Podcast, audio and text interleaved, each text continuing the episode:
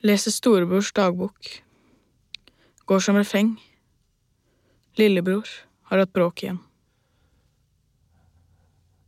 Husker oppvekst uten barnehagedekning. Privat plassert på fritidshjem for gutter i storebrors klasse. Husker brun villa. Eplehage og kongledyr. Ensomhetens byggeklosser. Trikkens rytme. Tidens tikking mot de stores ankomst etter skoletid. Husker ingen voksne, Noen må ha vært der. men erindringen slettet. Ingen bilder i minnet med voksne involvert. Bare alle guttene, fire år eldre enn meg. Husker slåsskamp mellom broren min og de andre guttene.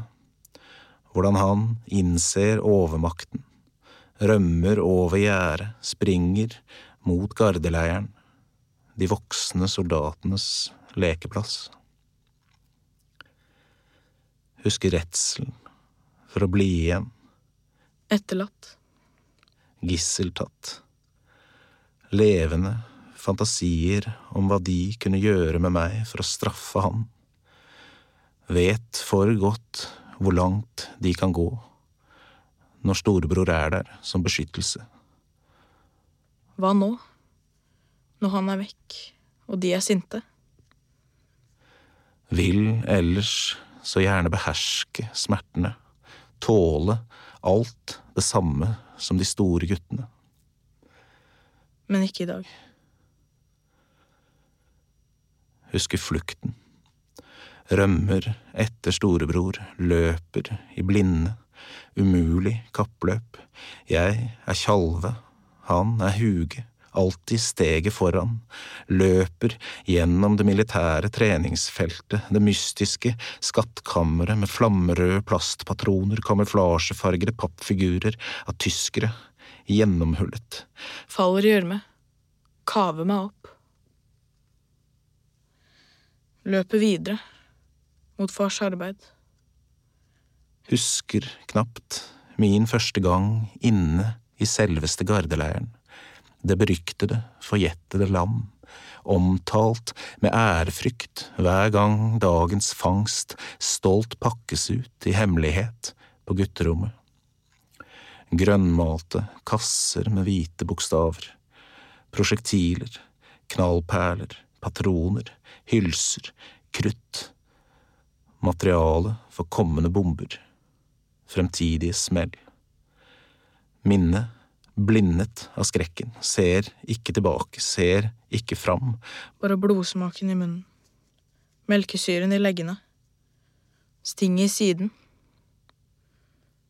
ser ingen eksplosive skatter, sanker, ingen verdifulle sprenglegemer. Hva løper og løper tvers gjennom garden. Med alt militært restmateriale fraktet hjem fra skoleveien, gjennom gardeleiren. Bygger de store guttene skytebane i kjelleren.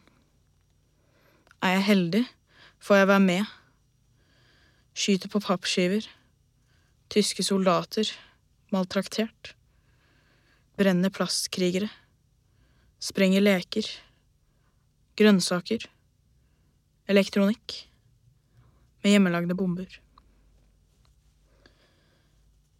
Snakker om bombemannen, Kyvik, uten helt å forstå forskjellen på 1. mai-tog og 17. mai-tog. En dag far er hjemme, fyrer han opp i peisen. Barrikaderer oss bak spisebordet. Far og sønner, Kaster røde løspatroner, som håndgranater, inn i flammene. Smellene enda mer øredøvende innendørs. Knallpærene vegg imellom. Noen borer seg inn i bordplaten. og trekkes ut med tang. far enda mer eksplosiv ivrig enn sønnene. Fyrverkerifryden tydelig, sprengningsspenningen legitimeres, Mor kommer hjem. Fredsaktivisten. Et annet rabalder. Bryter ut. Uenighet om innendørs våpenbruk. De vokste opp under krigen. Den ene krigen som gjelder. Farfar. Krigsseiler. Morfar. Svensk offiser. Krangler om krigen. Den ferske samtidskrigen. Vietnam.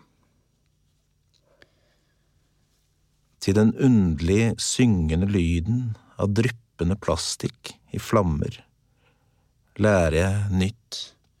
Fryktinngytende ord. Napalm. Brenner under vann. Du har hørt utdrag fra Gjennom Garden av Marius Kolbenstvedt.